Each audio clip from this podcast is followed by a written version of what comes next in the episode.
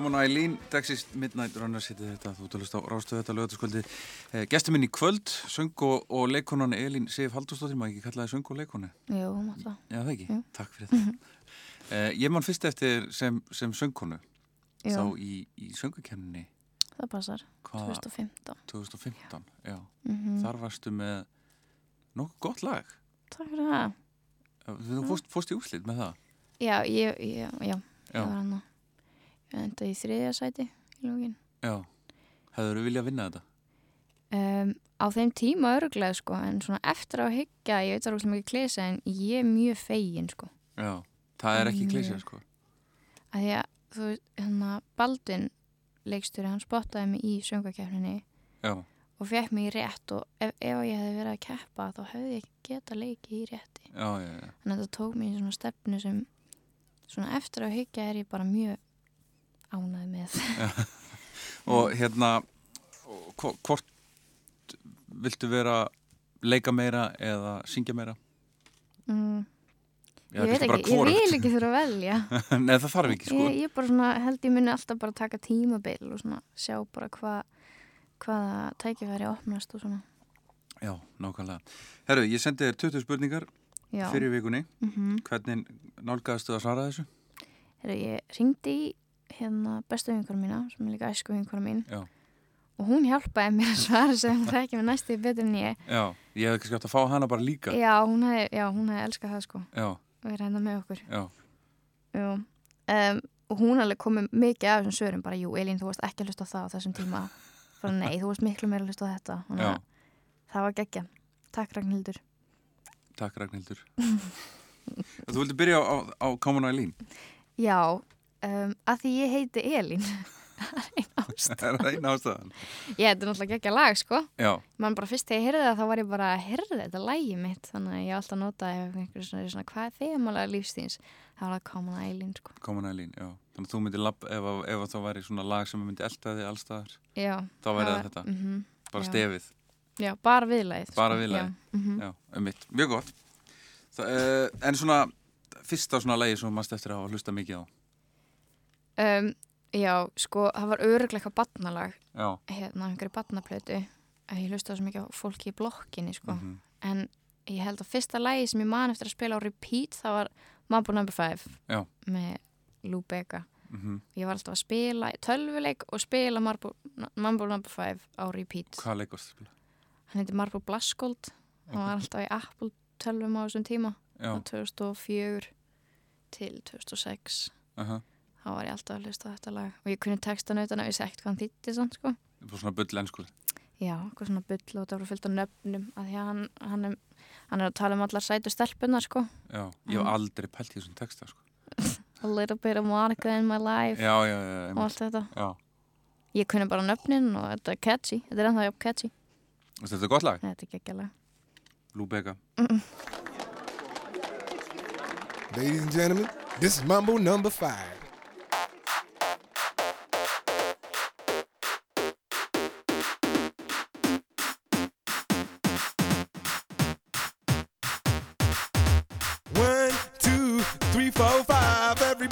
the car, so come on, let's ride to the liquor store around the corner. The boys say they want some gin and juice, but I really don't wanna be a buzz like I had last week. I must stay deep, cause talk is cheap. I like Angela, Pamela, Sandra, and Rita. And as I continue, you know they're getting sweeter. So what can I do? I really bag you, my lord. To me, flirting is just like a sport. Anything fly, it's all good. Let me jump in, please sing in the trumpet. A little bit of Monica in my life. A little bit of Erica by my side. A little bit of Rita's all I need. A little bit of Tina's what I see. A little bit of Sandra in the sun. A little bit of Mary all night long. A little bit of Jessica, here I am. A little bit of you makes me your man.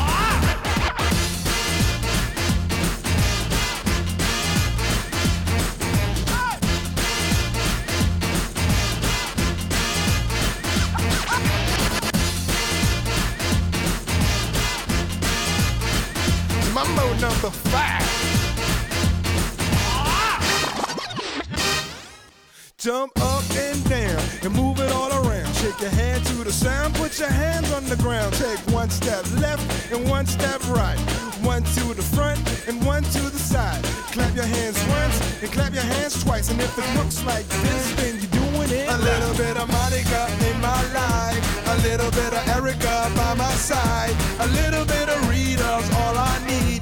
A little bit of Tina's what I see. A little bit of Sandra in the sun. A little bit of Mary all night long. A little bit of Jessica, here I am. A little bit of you makes me your man.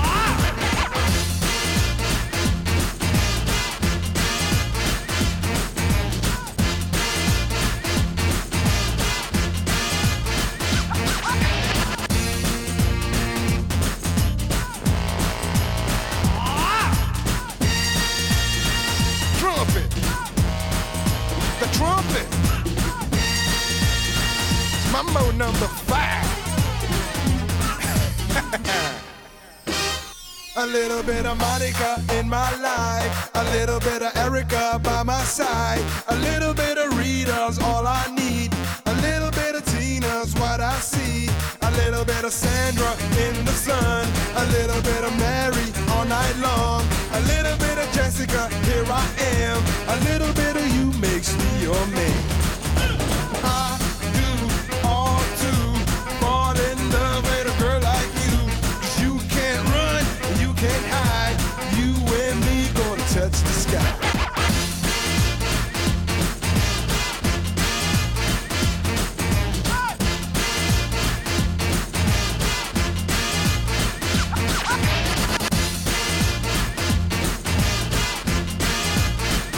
Mambo number five. Mamma number 5, hvað varðum um Lou Bega? Vistu það? Ég, mei, hann gaf út einhverju nokkur svona lög. Sjötta mambóðin kannski og sjönda. Já. ég vona ekki, sant. En hérna, ég bara, ég hef ekkert síðan. Nei. Ég veit ekki hvað. Ég er að fara að googla það. Já, við skulum komast það einn. Hvað hann er í dag? Hvar er hann? Herruð Elín, um, fyrstu tónleika sem þú fórst á? Sko, fyrstu tónleika sem ég man eftir að fara á hefur voru í Montreal og það voru svona Leonard Cohen tónleikar. Já, þú fórst að sást kóin. Já. Vel gert. Ég öfunda þig.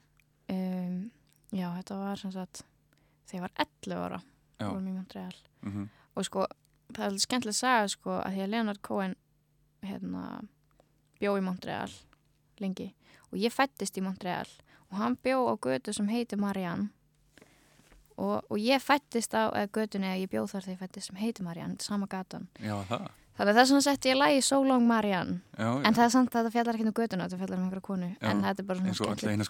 Já, þetta, þetta er bara svona skemmtileg tilviljun Já, að einmitt að til lag sem heitir Marianne eða So Long Marianne ok. Og bjóstu lengi í Montreal? um, Nei, fóreldrar mínu byggjaði lengi þau fluttuðu það sko bara fljóðlega eftir að ég fættist Já. en við erum alltaf að fara fram og tilbaka við bjóðum svona nokkur sinnum þegar ég var allast upp og Æsliborg. æðisli borg. Sýsti mín býrar einmitt núna og gift hérna Quebec manni Mm eins og ég segi eitthvað svona kalla hann Quebec mann, hann gift strák sem heitir Brent. Og, og ertu, ertu kóin kona? já, alveg sko. Mm hann er náttúrulega bara algjört legend. Það er ekki tægt að segja annað sko. Nei. So Long Marian, Leonard Cohen. Come over to the window, my little darling. I'd like to try to read your palm. I used to think I was some kind of gypsy boy. Before I let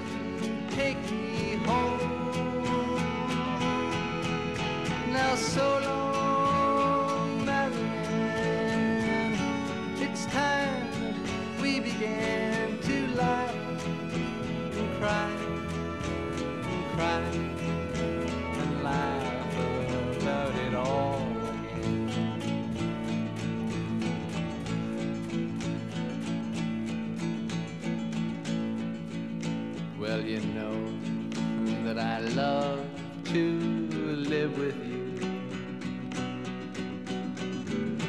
But you make me forget so very much. I forget to pray for the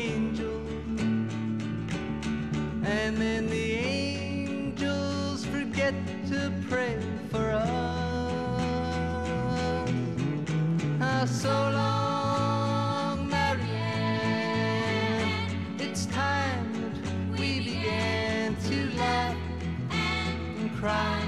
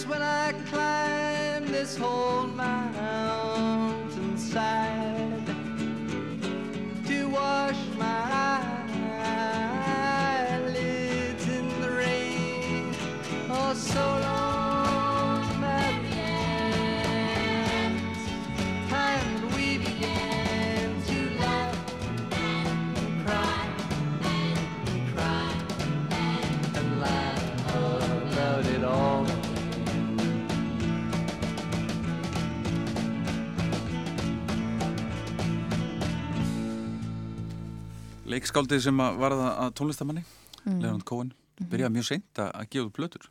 Já, það. Já, hann var held ég bara orðin sko vel þrítur þegar fyrsta platan hans kemur út. Já. Hann var að, reyna að vera uh, ljóðskáld og, og, og leikskáld og það gekk ekkert sérstaklega. Meðan svo náttúrulega fekk hann útrás fyrir ljóð, ljóðanum í lagatekstunum. Já, það að- alltaf mjög mögnu Mm. ljóð. Herri, þú orst að hluta til upp í, upp í Montreal mm. -hmm. þegar fluttuð heim. Hvert, hvert fluttuð þá? Hva, hva, hvert er þitt hverfi? Hlíðanar, Hlíðanar? hlíðanar, ekki langt. Nei. Hlíð, ég býð ennþá í hlíðanum sko. Já. Það er besti staðurinn. Ég kalli þetta stundum umferðar eiguna í Reykjavík. Að ég hlíðarnar svona afmarkast af einn svona stærstu ræðbreytunum Já, einmitt. og uh, maður á ekki sérstaklega mikið erindi inn í hlíðarnar sko nefnum maður búið þar, Mm fólk heyri og lítið í gegn en þetta er samt rosalega miðsveðis þannig að þetta er umferða eiga uh, Reykjavíkur. akkurat. Og hvernig fannst þér alast upp í hlíðun?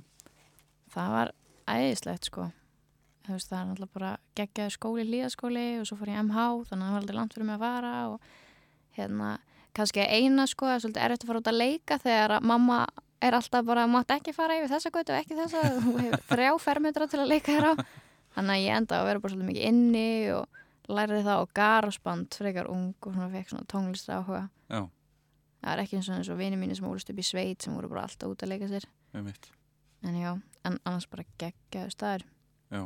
Og var mikið músika á heimilinu þegar þú varst alast upp? Eða varst það bara þú í Já. garasband? Nei, mamma mín sko, hún hún er tónlistakennari Já. í rauninni, hún er prófessor í tónlistamentun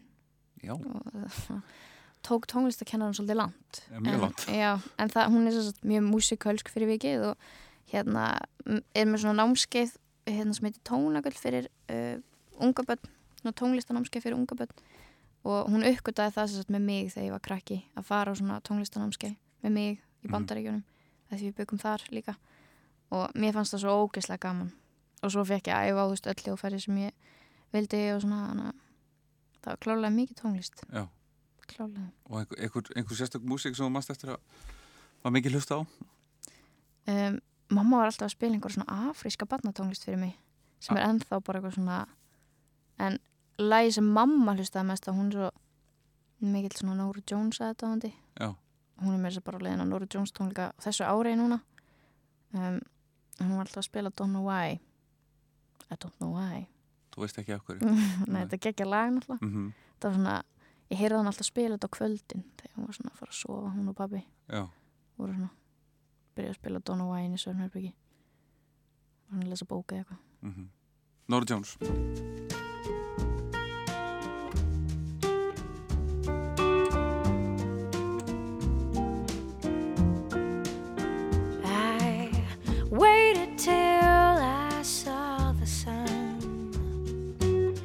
Don't know why I didn't come. I left you by the house of fun. I don't know why I didn't come. I don't know why I didn't come. When I saw the break of day, I wish that I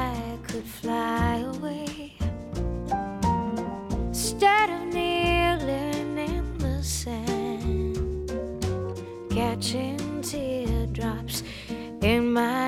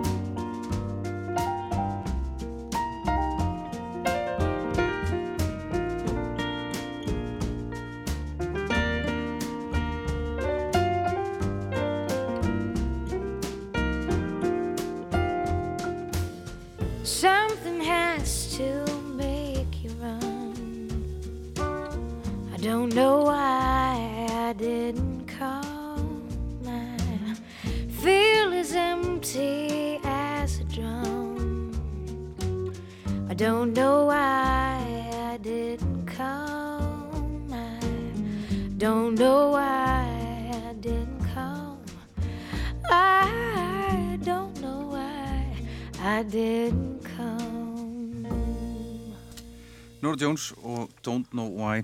Elín Sif er gestur minni í kvöld hérna á, á Rástöð, söng og, og leikona og til aðmyggjum með ettu tilnefninguna. Takk hérna fyrir. það hvernig, hvernig finnst þér að, að koma með eitthvað svona tilnefningu og er pínu að klika að það? Já, ég, hérna, ég er ekki alveg búin að ná því sko líka því ég er tilnæmt með svo klikku um leikonum Já, Þú veist bara Kristín Þóra Já. bara einn efnilegasta leikona landsins eða eitthvað og svo náttúrulega Halldóra Geirhards Mhm. og ég er náttúrulega nýbúin að vera ég var í pröfum fyrir LHI Já. það var að komast inn í leiklistana þar. Til aðmyggjum með það líka. Takk fyrir það. En hérna það voru mjög erfiðar pröfur og þá náttúrulega Dóra hún er þannig artistic director eða ég, veit ekki alveg hvað hún er hún er alltaf í dómnefndinni. En hún er búin að vera þú veist að dæma alla pröfuna mínar allan í janúar. Þannig að það, það var líka mjög surrealist að vera hérna tilnefndu með henni. Já, þannig að þú byrjar í, í, í leiklist í haust á Já. Spennandi, mjög spennandi, já. Spennandi tímar. Er þetta, hefur þetta alltaf verið draumur? Mm, Nei, eða þú veist kannski, en það var þá svona svolítið bældu draumur. Já, ég held aldrei að það, svo, þau tækifæri myndi koma sko, en ég hérna, tónlistin var alltaf plani sko, já, en svo bara tók lífið þessa skemmtilegu beigju og, og það er alveg frekar nýlega sem ég byrja að vera svona um, að horfast augu við leiklista áhuga minn. Ég Já. svona vissi ekki alveg hvort það væri fyrir mig. Var alveg bara að pæla að fara í háskólan í sálfræði eða eitthvað. Mhm, en svo fór ég bara í veist, eftir því sem ég kynntist fleiri leikurum og þessari senaðans betur og svona fekk ég meiri áhuga og gætt sé mig betur inn í þessu. Þannig að það fór ég þessar pröfur og komst inn. Þannig að ég er bara mjög spennt að sjá hvernig það verður. Mhm. Mm. Um, Býtum við, hvað eru við? Já, hérna, Sagbinna Sælan Lægi sem hún sagði er engum að það er gaman af. Sko mér fannst það rosalega erfitt að svara þessu. Alveg bara, ég var að því að já, ég veit ekki, mér fannst ekki erfitt að segja þetta að ég skammaðist mér fyrir að hlusta eitthvað lag en þess að hérna, ég man ég átti svona MP3 spilara og ég var alltaf að spila bæði nælun og írafár og þetta var á þeim tíma, þú veist, þegar að það var ný komið út. Já. að ég var krakki, þú veist ég eiginlega misti af bæði nælun og írafár sko. Mm og þetta var, ég var alveg líka alveg orðin svolítið gömul, 10-11 ára og það er svona 5 ár síðan að írafár var töff sko. Já, og nælon. Ég er nú ekki alveg á nákvæmlega ártölunum. En ég var alltaf að hlusta á sérstaklega lægi nýjan felustað. Ég má bara að hlusta á það á repeat. Og svo man ég einhver tíman þá var einhver stelpa sem var með mér í back sem var alveg hvert að hlusta og ég sagði ég er að hlusta á írafár og hún horfði mig bara, þú veist það er ógislega útrunnið. Og ég bara Ógeðslega "Í- útrunnið." það er útrunnið sko þannig að þá örgulega skammaðist í minn smá en núna er áttirðu að ekki vera- inn sko já, og hvað áttur að vera að hlusta á þarna? Hvað, Ég hvað er röglega FM, bara FM 957 bara allt sem er á FM 957 það áttum að hlusta á. voru? Írafár var og er og hefur alltaf verið þar Þannig að ég skil ekki rökin hjá konu kannski bara svona aðeins út akkurat þarna 2010, 2009, 10 Já, ég skil já, En við ætlum að hlusta á Írafár núna. Já. Og ekki skammast okkur neitt fyrir það. Nei, alls ekki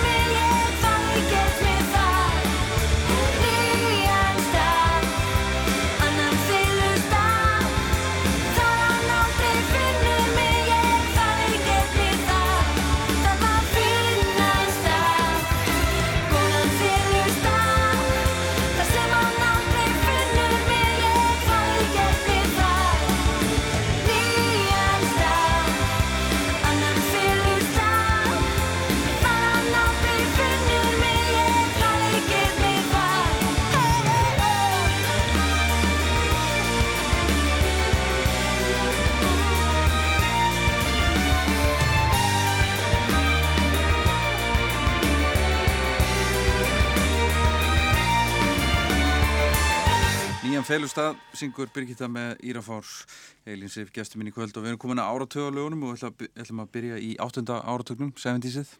Mm Þar ferðu bara í Rottaran, Já, akkur Rod Stewart.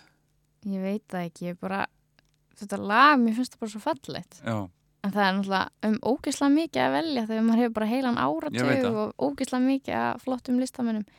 Ég veit það ekki, ég veit raunin ekkert mikið um hennan mann sko, en þetta lag er bara, ég get hlust á það endalaust sko. mm Af þessum þreymur áratögum sem við ætlum að, spila lög frá, hver, hver, hver er svona myndirðu- Uh, 90 sko, Já, já, mm já, já, ég held klálega. Ég svona tengi mest við tónlistina þar. já. Akkur heldur það sé?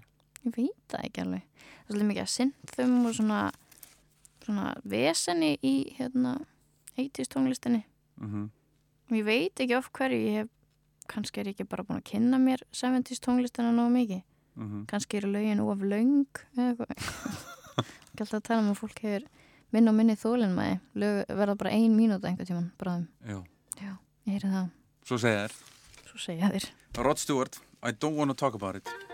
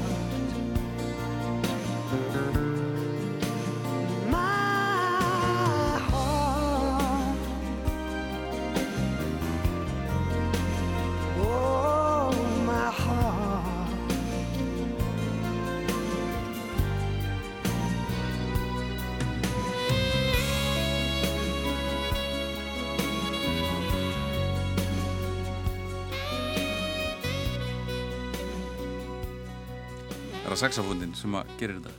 Ég veit ekki hvort það sé saxofónin, nei, ég held að það sé textin eða eitthvað. Ég held að það sé frekar það. Herra, þá var það eittisið, nýjönda áratugurinn.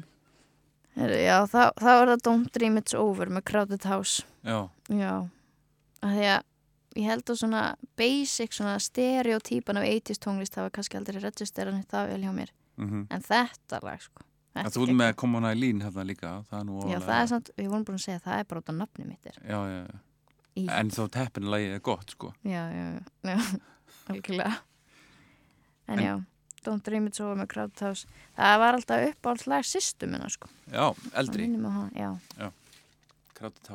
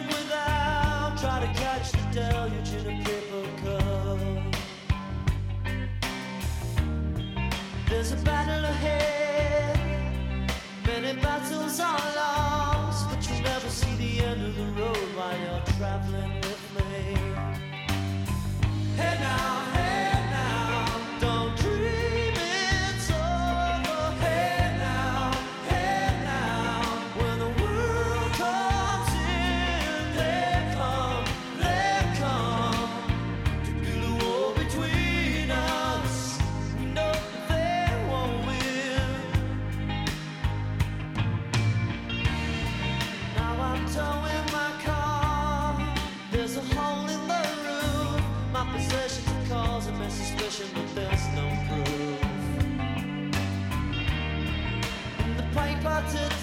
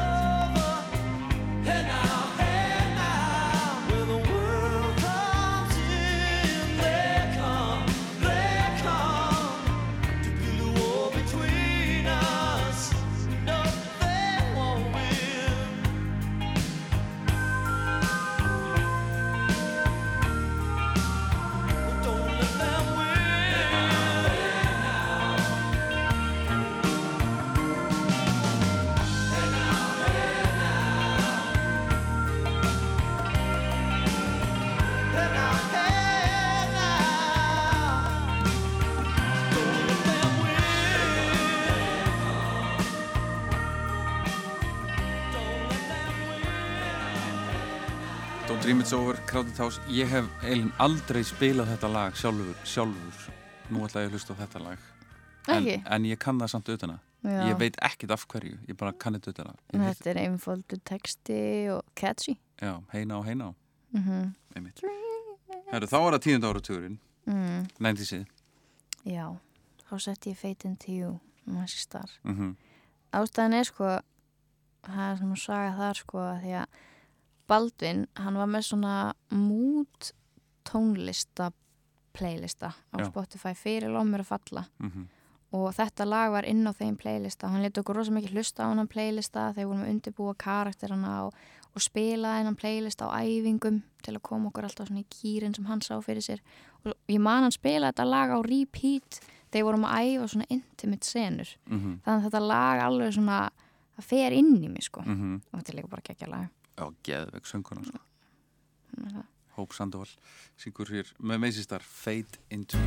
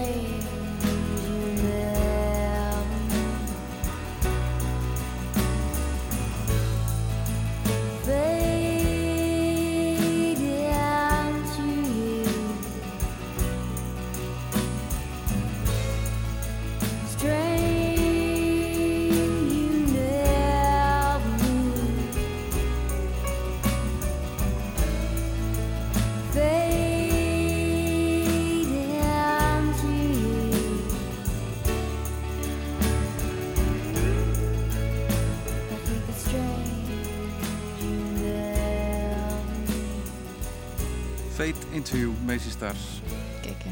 Já, þetta er aðeinslegt lag og æðislega hljómsveit Hún er ennþá að syngja Já, að bara bæði með Macy Star og, og, og hinum á þessum já. Æðislega Herri, svo sá listamann sem var til að sjá tónleikum, Elín Já, veistu, þetta var líka erfi spurning því það er náttúrulega bara svo margir. Já, ferðu mikið á tónleika? Nei, nefnilega ekki. Ég er svona, ég er með smá skipta skoðanir á að fara allar svona stóra tónleika. Já, Ég er svo oft svona, ég veit ekki, undir, fæ svona einhver smá vombriði, ég veit ekki alveg hvað það er. Þegar ég fer og er í svona miklu kráti og veist, það er svona, maður þarf að standa lengi og mér finnst það eitthvað svo óþægilegt. Þannig stundum vil ég bara frekar horfa á listamenn á netinu það sem þeir sanda mjög vel og, en Cardi B, já hún er náttúrulega bara að fara að taka yfir heiminn einhvern tímann bráðlega. mhm, Mér fannst ég líka þurfa að setja eitthvað svona smá svona körrend inn á hann lista hjá mér. En mér finnst hún geggið sko. Já, Bara allt sem hún gerir. Ég get fylst með henni allan daginn. Og svona mitt uppáhaldlega með henni hinga til er alltaf be careful. mhm Be careful. Hún er mjög uh, skemmtileg popstjarna Já, hún er það. og svona Svona áberandi og... HR, Mm ógislega fyndin Já, já. bara svona, Samt svona kannski ekkert eitthvað mikið að skandalisera sko. En það er bara einhvern veginn allt sem hún gerir verður einhvern veginn iconic. Því hún hegða sig svo öðruvísi. já, sem er holdt og gott og gaman Já, það væri frekar leðilt ef að væri allir eins sko. akkurat. Skemmtileg. Cardi B, Be Careful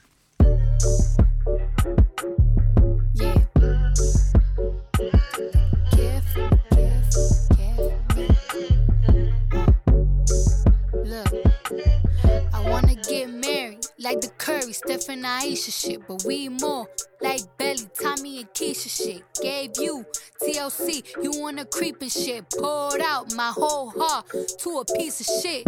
Man, I thought you would've learned a lesson. Bout liking pictures, not returning texts.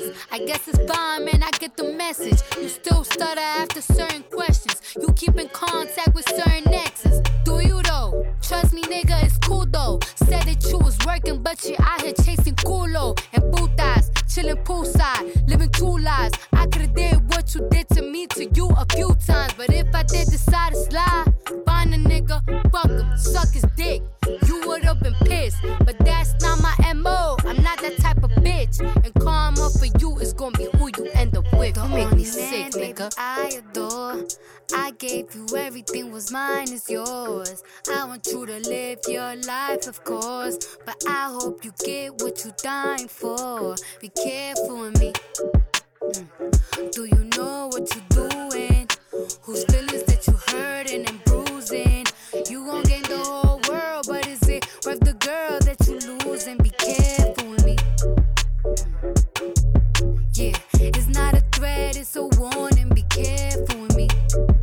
Yeah, my heart is like a package with a fragile label on it. Be careful with me.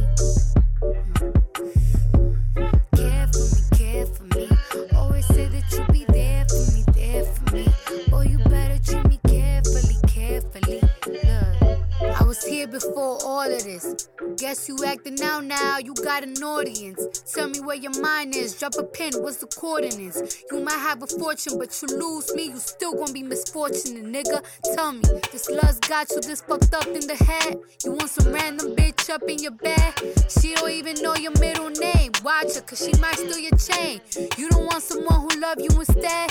I guess not though, it's blame disrespect. You nothing like the nigga I met. Talk to me crazy and you quick to forget. You even got me tripping. You got me looking in the mirror different. Thinking I'm flawed because you inconsistent. Between a rock and a hard place, the mud and the dirt is gone. Hurt me to hate you, but loving you's worse. It all stopped so abrupt. You started switching it up. Teach me to be like you so I cannot give a fuck. Free to mess with someone else. I wish these feelings come out. Cause you don't care about a thing except your motherfucking self. You make me sick, nigga. I adore. I gave you everything was mine is yours. I want you to live your life, of course. But I hope you get what you're dying for. Be careful with me. Mm. Do you know what you're doing? Whose feelings that you hurting and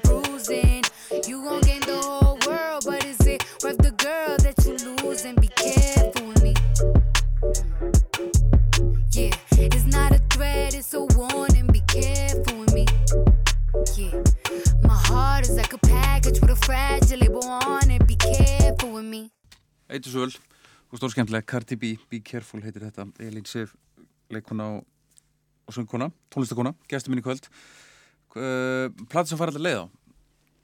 Já, þetta, þetta voru líka, það er svo mikið að plötum sko. Já, En ertu, ertu laga eða, eða plötu, plötukona? Ég klálega lagakona sko. Já, Ég er með playlistu með alls konar lögum. Mhm. Ég er ekki einu sinni sko artistakona, þú veist, ég er bara svona vel eitt og eitt lag frá artistum. Já, já. Ég held líka Spotify hefur svolítið breyti hvernig fólk uppgötar tónlist að ég uppgöta mikið tónlist bara á Discover Weekly sko. Mm og þá er ég kannski bara að hlusta á eitt lag frá, þú veist tíu mismunandi hljómsveitum á sama tíma en Einmitt. ég hlusta ekkert meira á hljómsveitina bara þetta eina lag einhvern veginn. Og svo koma önnur 30 í næstu viku og þá glemur allir Já, akkurat En þú ert ekki svona uppáhalds tónlistamann eða konu eða hljómsveit bara svona sem þú, bara ég, svona þitt fólk. Nei eða þú veist, ég er náttúrulega held upp á einhverja sko, mm alveg sérstaklega en, og svona mikið fólk sem ég lít mig upp til og virði sko en ég myndi aldrei fíla eitthvað nema að því ég fíla eða þú veist, eitthvað lag því, nema ég fíla eða það er ekki bara artistinn sem gerir það eða Mhm. skilur mig. Ég skilji Mikið sens. Já. En sumir, sumir listamenn einhvern veginn uh, er bara veginn gera mig alltaf efn hissa. Ég fíla allt með þeim, það er alveg til sko. Eins og Áróra, mm ég var einmitt að tala um þetta við einhvern mín aðan. Hún hefur búin að gefa tvær plötur núna og minnst bara einhvern veginn alltaf öll lögin. Einhvern veginn því meira sem ég hlusta á hvert lag, því meira er ég bara, já, veist, hvernig ferðu að þessu stelpa? Hvernig segir mér þetta?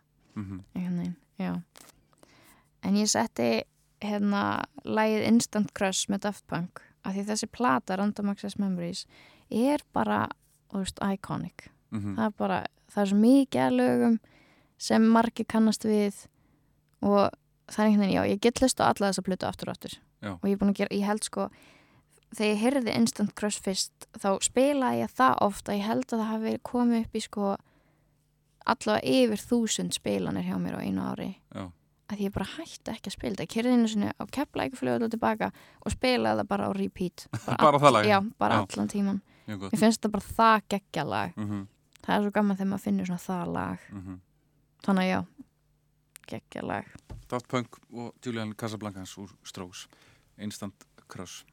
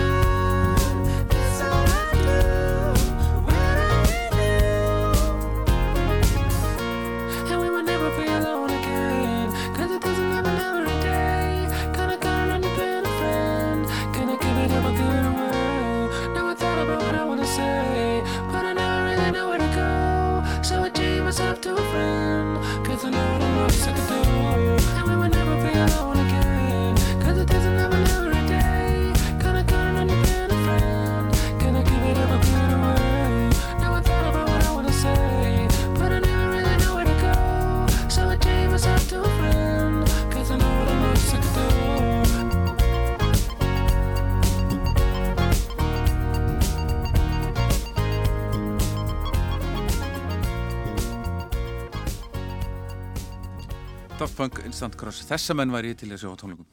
Já, Þannig að- bóka sko. með, hjál, Koma með hjálmana. Já það ekki, Mhm, Já, Slegið. við förum. en þeir bara halda ekki tónleika.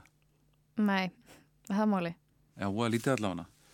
En ég sendi þér línu ef ég sé tónleika. Ok, laka til. Uh, Fyrsta plata sem þú keftið þér? Sko ég kefti mér það nú ekki en það var fyrsta platar sem ég man eftir að byggja um í amæliskjöf Já. frá sýstu mömmu. Um mitt og hérna það var platan Born This Way með Lady Gaga ég, held hún hefði verið ný komin út. Mm eða þetta var allavega 2011 á þá 13 ára amælinu mínu. -hmm. og ég misti mig sko. Mm þetta er líka geggjuð plata -hmm. og Lady Gaga er náttúrulega bara frábær artisti. Og þetta var svo iconic þú veist all skilabúðin í þessari plötu einhvern veginn og já. Ég setti bara hérna Born This Way lægið sem heitir eftir plötunni. Mm af því að það er geggja Lustar ennþá á þessu blötu? Mm, það kemur alveg fyrir sko. Já, ég svona endur uppgöta Lady Gaga. Núna þegar að, hérna, myndin var að koma út þá finnst mér ég hafa endur uppgöta hana svolítið. Já. Langt síðan ég hefði hlusta á hana. Ég múið sjá þessa mynd. Hérna hvað heitir hann áttur? Uh, Star, Star Starsborn, Já, já. já hún er alltaf leið sko. Já. Flott. Svolítið mikið af tilfinningum. Svolítið, þú vart alveg undirbúið því að þú horfður á hana. Já, ok. Það er bara að vera með tissue á borðinu. Já, Ok. það er svolítið þannig ég var alveg að ég grenja ekkert yfir þessu. Og svo kom ég út úr bíu og bara Hor Horkar en eitthvað já, Lady Gaga, Born This Way Doesn't matter if you love him or capital H I M. M. M. M. M. Just put your paws up, cause you were born this way, baby.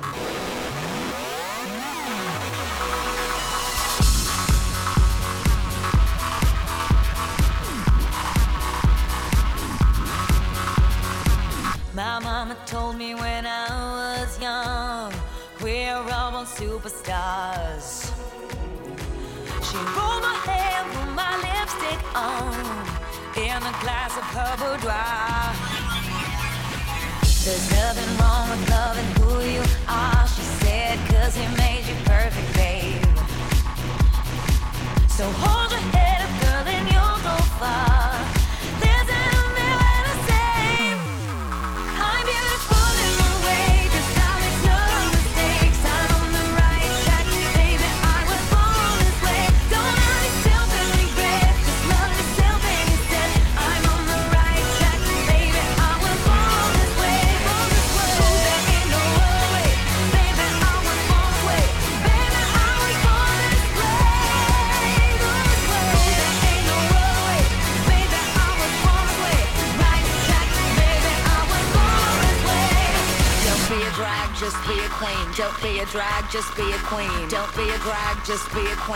Give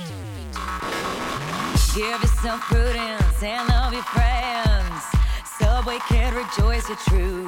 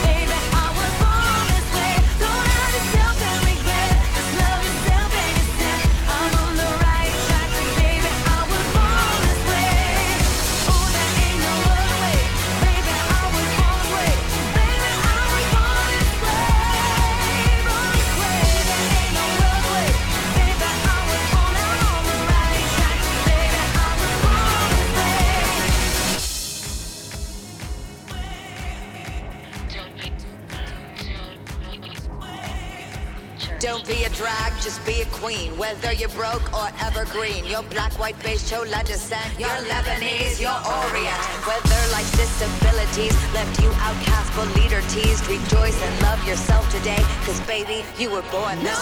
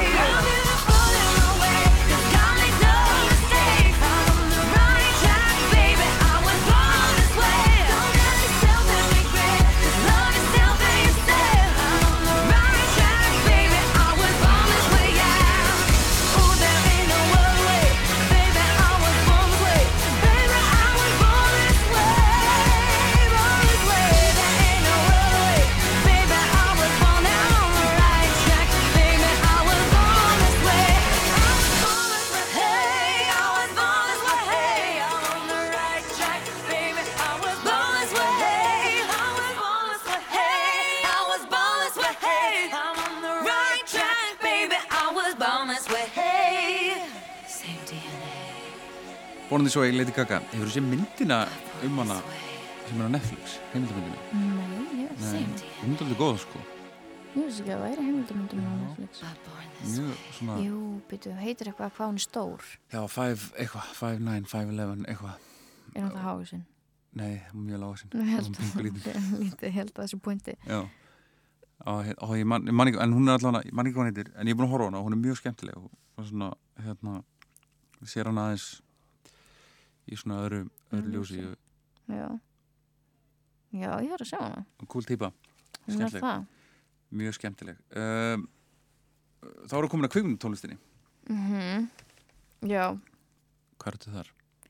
ég, hérna, ég, já, ég myndi kannski ekki segja, ég hlusti mikið á kvikmyndatónlist eða pæli mikið í henni, en ég á klálega mikið af vinum sem, Svona alltaf lög í bíómyndu líka sko. Já. það er líka geta verið já, ég svara sko einu lagi sem er úr bíómynd, sko, Já, já. það kemur á eftir, en hérna, ég setti Domestic Pressures úr Theory of Everything, mm af því að það er bara, það er eiginlega staðurinn, sko, að þetta sé bara eitt besta soundtrack, hérna, eftir íslenskan, hérna, tónlistamann. ég held ég hlusta á þessu plötu svona annarka dag sko.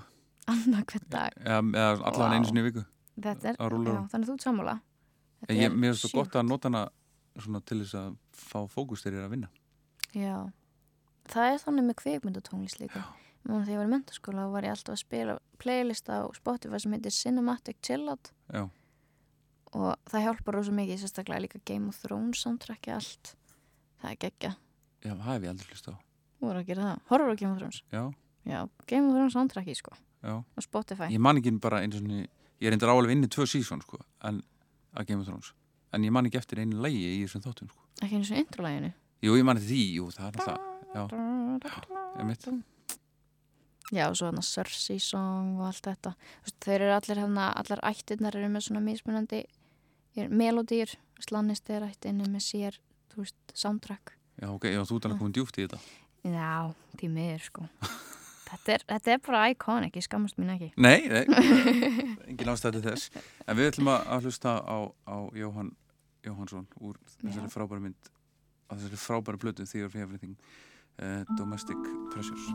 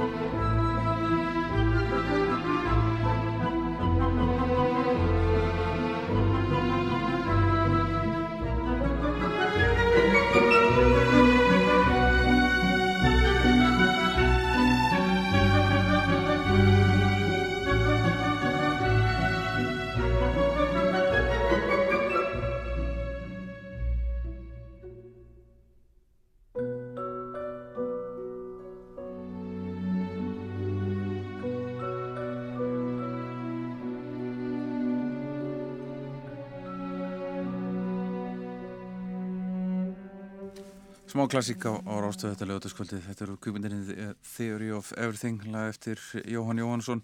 Domestic Pressures heitir þetta. Elín Sif, gestur minn í, í kvöld leikuna og uh, við erum komin að læginu sem að fekk þið til þess að byrja að læra hljófari eða, eða syngja. Bara veit ég ekki einu sinni. Þú lítur nú að spila eitthvað hljófari. Jú. Með ég- ég spila-. Spilar á öll eða? Nei, alls ekki. Ég spila á píano og gítar, svona grunin. Og Mm. klarinett reynda gaman segja frá því líka. Já. Já, eða það. Um, nei, sko, þetta var mjög auðvelt að svara vegna þess að hérna, þegar ég bjó síðast í Montreal þegar ég var 14 ára, Já. þá hérna, var ég í ballettnámi sem var mjög svona draining eins og maður segir. Það var bara tók einhvern veginn yfir alveg og ég þurfti svona eitthvað til þess að svona unwinda þegar ég kom heim og hérna, mamma kendi mér þá hljóma á píano Já. og það var svona, það er hérna tónlistakona frá Quebec, kanadísk sem heitir Kjörtu Pirat, ef hún kallar sig það, hjarta sjóruningans Mhm. og það var lag sem var mjög frækt með henni þá á þeim tíma sem heitir Plastela Republik og það var bæði sko hérna metnaðurinn minn í að læra frönsku tungumáli hana Mhm. og þú veist geta kynst einhverjum ég var í svona mikil svona mótþró á þessum tíma, ég vildi ekki læra neitt tungumál og vildi bara fara aftur heim en hérna þegar ég byrjaði að hlusta á tónlistinnar þá byrjaði ég að fá actually áhuga á því að læra tungumálið og kynnast fólki. Og lærið þurru frönsku?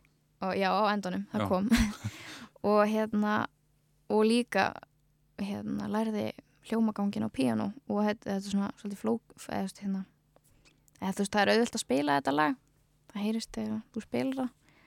En já það gerði mjög mikið. Bæði það að ég fór að tala frönsku og geta eignast vini og ég byrjaði að spila á píano svona sjálf, mér til gamans. Mm Þú mátt kynna þetta lagin.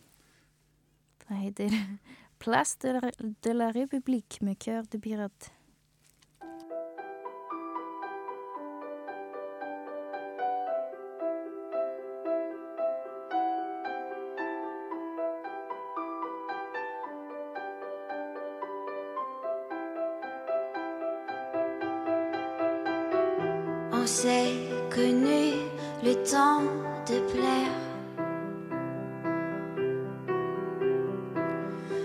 exigences qu'on s'est créées, mais on s'y perd.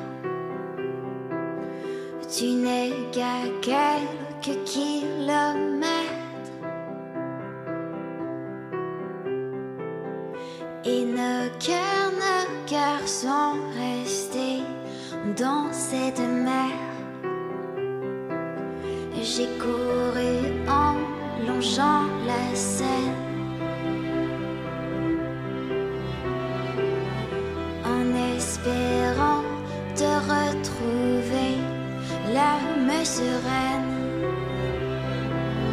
しく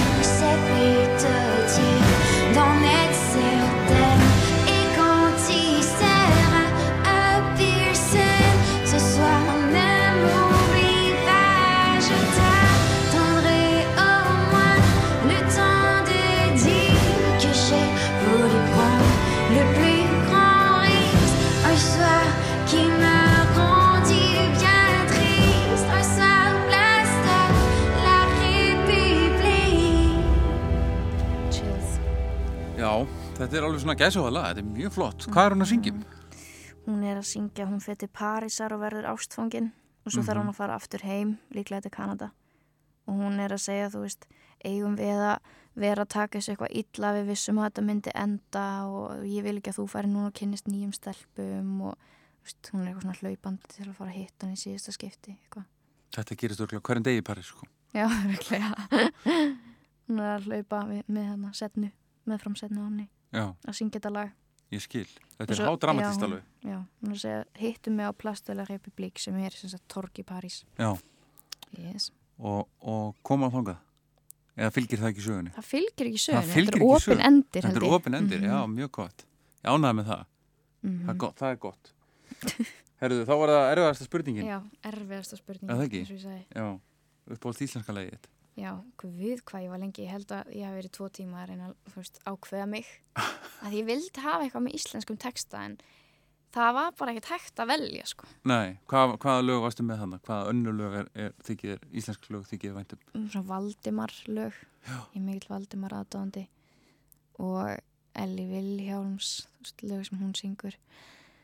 En ég ákvað að fara bara með Svafa Knút, Já. hérna Emotional Anorexic. Það ég bara hef hlustað svo rosalega mikið á þetta lag. Mm mér finnst það geggja og það er bara einhvern veginn svona fá eins og svona fáir artistar eiga svona einlæg lög eins og hann gerir Já, hann er mjög, sem er mjög einleg, Mhm. ein, einlega texta. Og opnar sig vel og mikið, sem er gott. algjörlega Inspo Saga Knútur og Emotional Anorexic.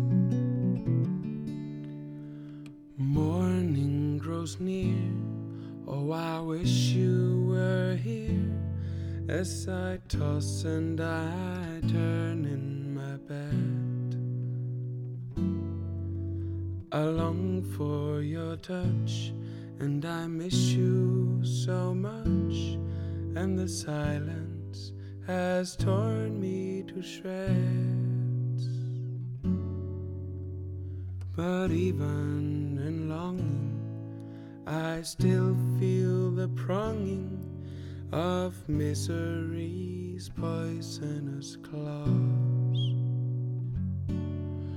When in your perfection, I catch my reflection, and in it, my numerous flaws. Babe,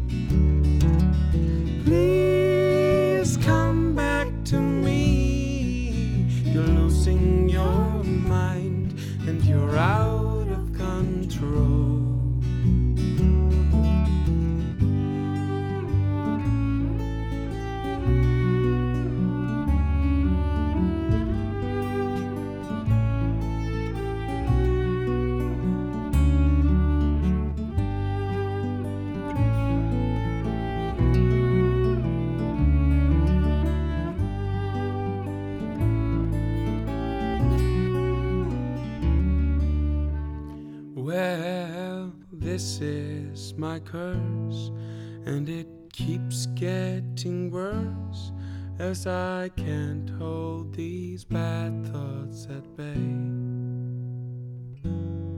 So I'll whine and I'll moan and I'll cry on the phone till I finally drive you away.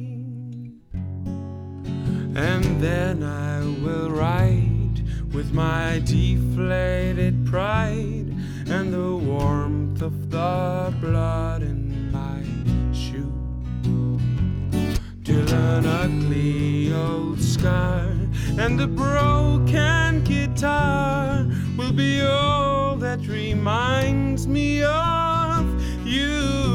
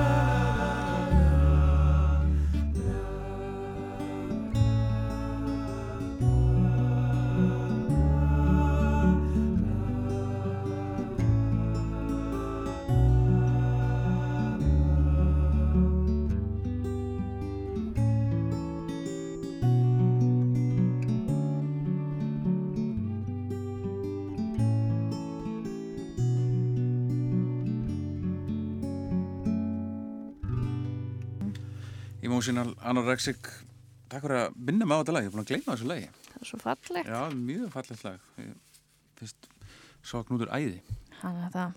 Hefur líka yfir. Hlustaður á, á hraun eitthvað Mm, sem var hljómsveit sem hann var í nei, Nei, gerði það ekki. skemmtileg Það er eftir ykkur til það. Það var karaoke-leið Já, það er Summer Lovin' eða hvað heitir, Summer Summer, Nights. Nights. með grís. sem er mjög fyndi karaoke-lag sko. Já, þú voru að taka í duett sko.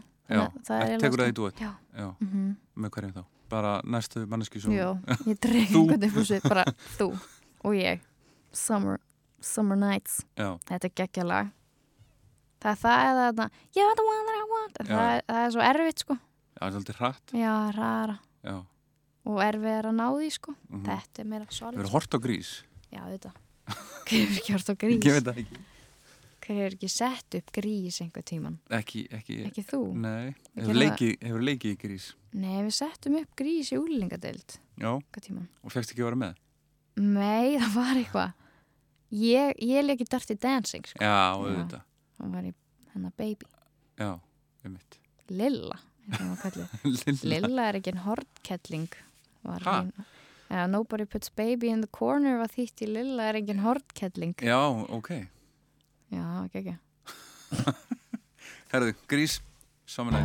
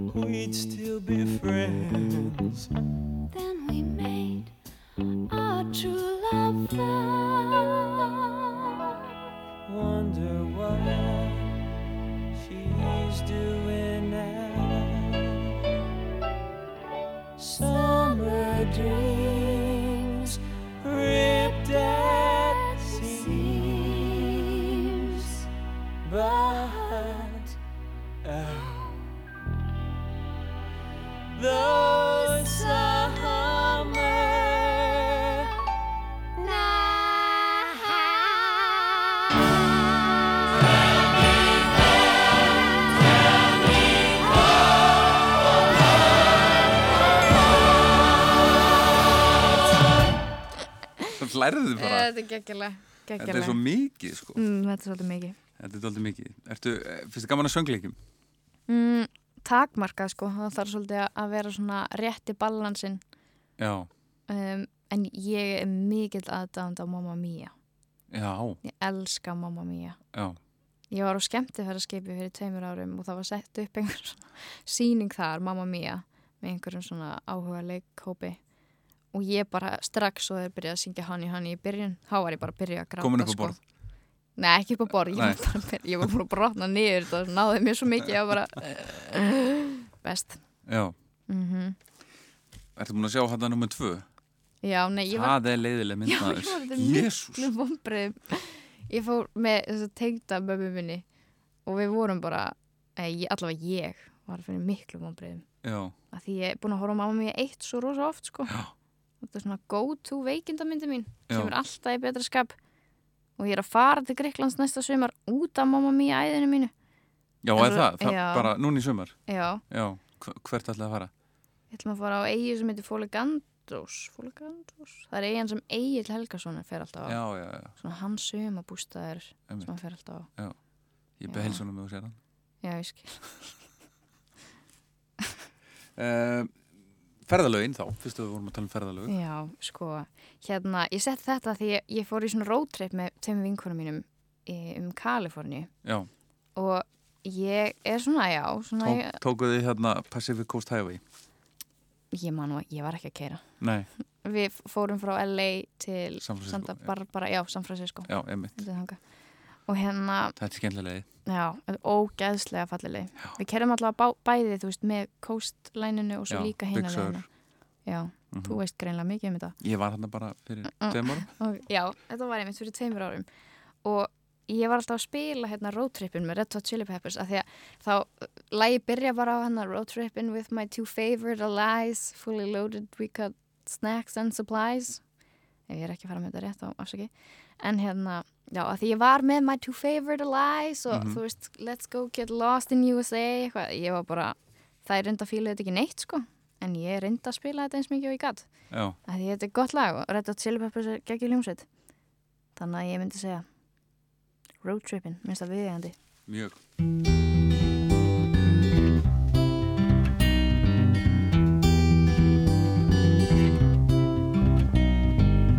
Road tripping with my two favorite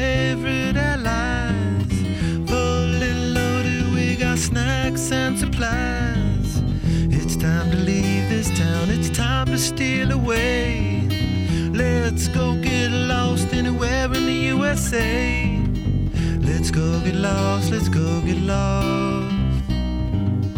Blue, you sit so pretty west of the one. Sparkle like with yellow icing, just a mirror for the sun. Just a mirror for the sun. Just a mirror for the sun. These smiling eyes are just a mirror for. So much has come before those battles lost and won. This life is shining more forever in the sun. Check our heads and let us check the surf. Staying high and drives more trouble than it's worth in the sun. Just a mirror for the sun. Just a mirror for the sun.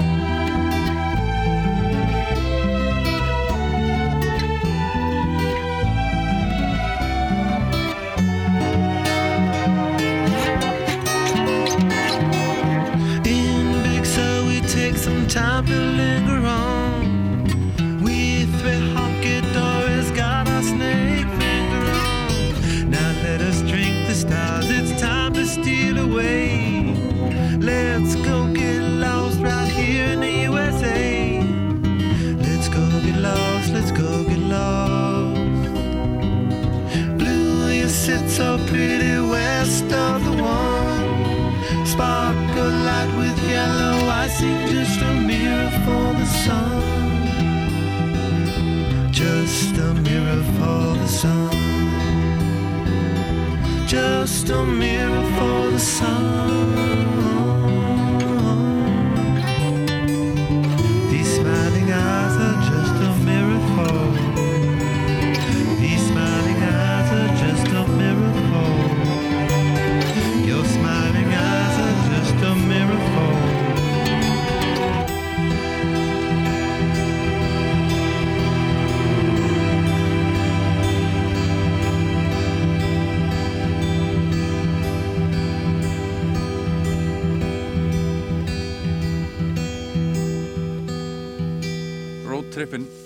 Red Hot Chili Peppers.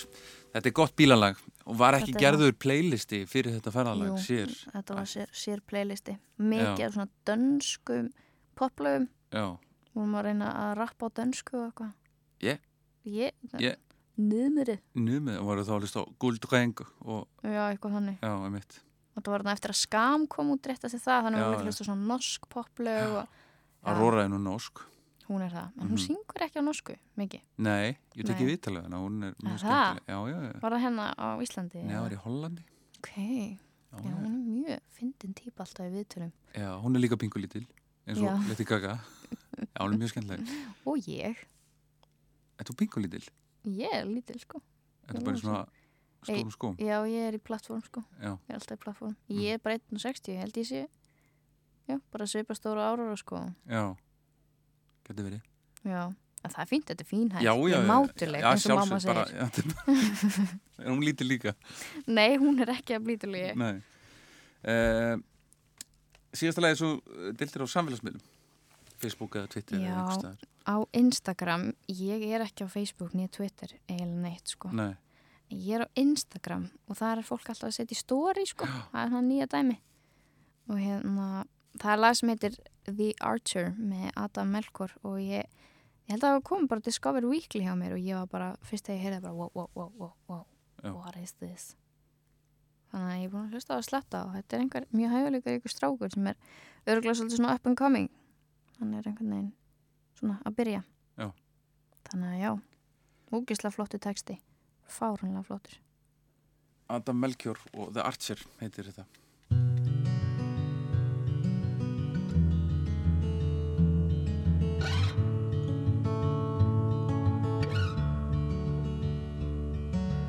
Wasted on the floor again, and no one seems to mind. I could go back out, and that would take too much time.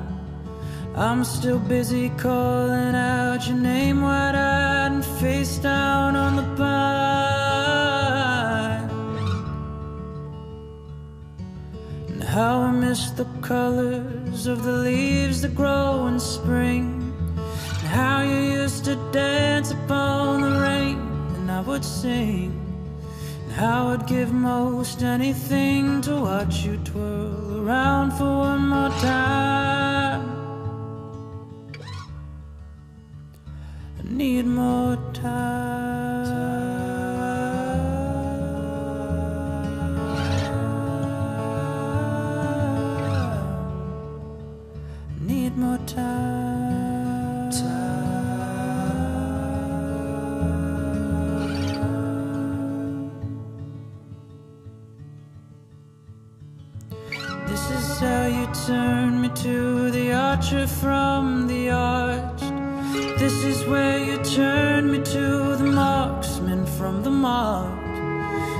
This is how I learned how to take the arrows in my back and shoot them at the stars.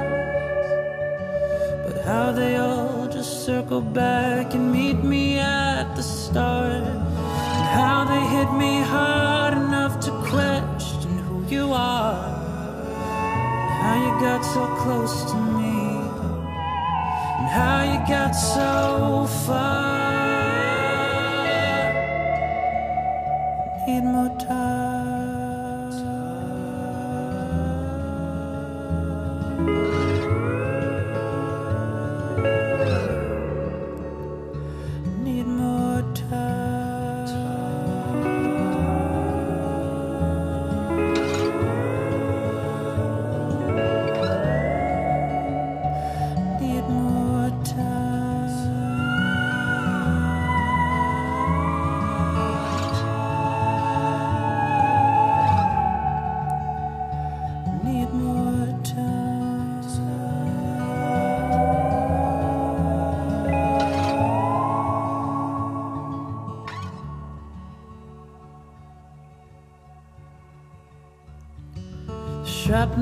My faith in you is cutting through my skin.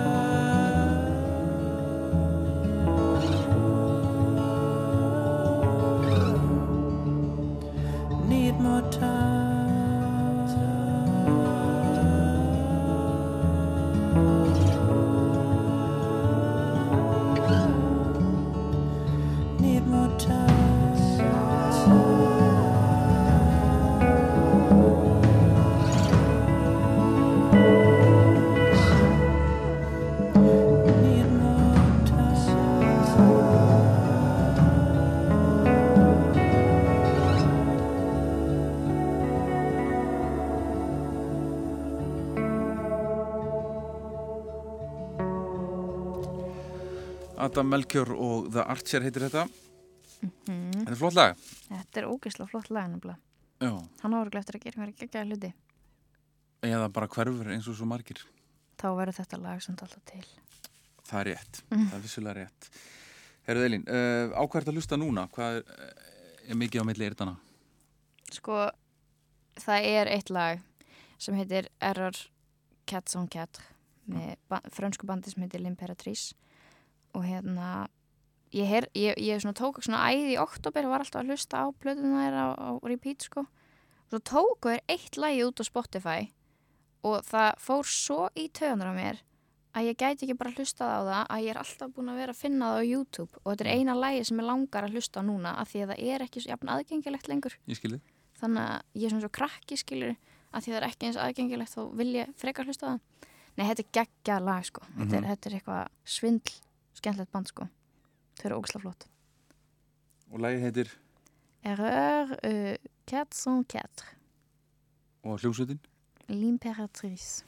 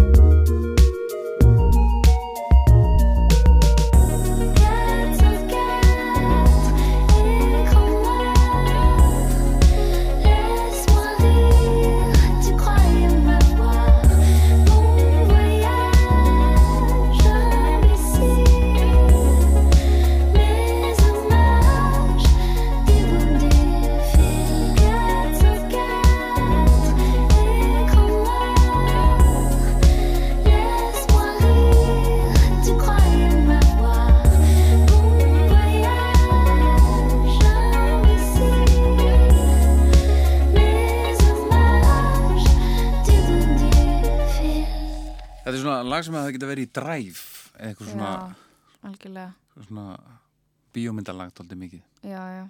Ég væri ógæðislega til að fara tón, á tónleika með Limberatrís Mm Þetta er mjög svalt, mm -hmm, Þau eru mjög miklu cool cats þetta Já. band. Frakkar, frakkar, kunna þetta. Frakkar eru. Það eru síðustu tónleika sem þú fórst á. Sko, ég fór á einhverja kórtónleika í skagafyrðinum það sem var mikið sungið um fjörðin Já. Mm en, en ég vildi nú frekar tala um það ég fór á Aurora á Airwaves. Það var svona highlight. Um, hún var náttúrulega bara blew my mind eins og hún Mhm. gerir alltaf. Hún er ógæðislega flott. Það er eitthvað. Já, það er eitthvað í, vatninu hann í Noregi. það er eitthvað í vatninu. Ég setti bara Life Forgotten Love það er svona eitt af uppáhaldslögum mínum á plötunni. Já. það á Soft Universe. Af nýju plötunni þar að segja Mm hún er algjör meistari í að búa til einhver svona skemmtilega laglinur og setja upp sjó það var, það var trillti tónleikar ég held að allir séu sammála um það sem fóru hana. Já, hún er aðeinslega, ég hef séð hana nokkur sinum, hún er alveg mögnuð Mhm. og einhvern veginn bara rétt að byrja Já. sinn feril. Algjörlega spennandi að Já. fylgjast með henni Aurora.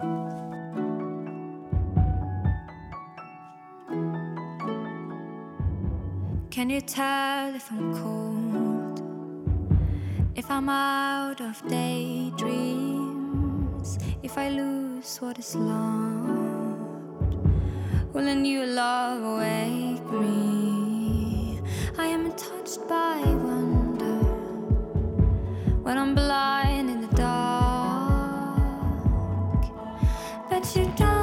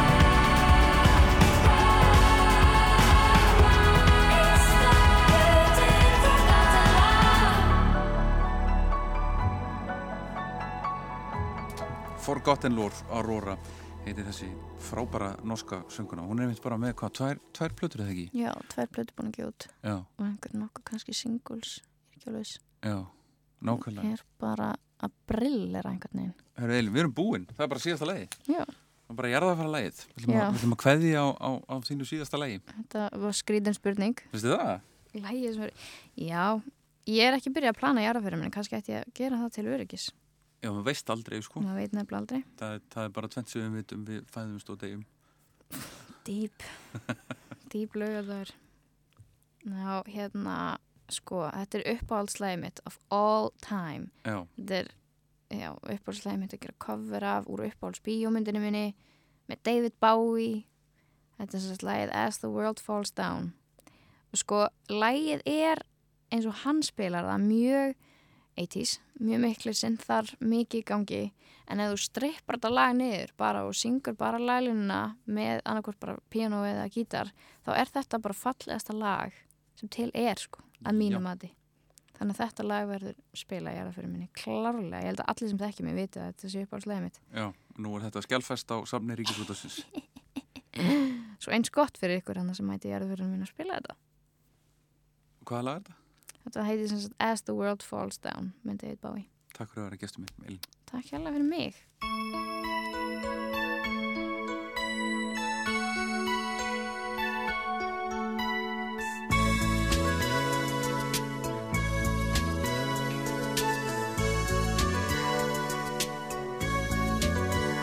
such a sad love deep in your eyes. It kind of held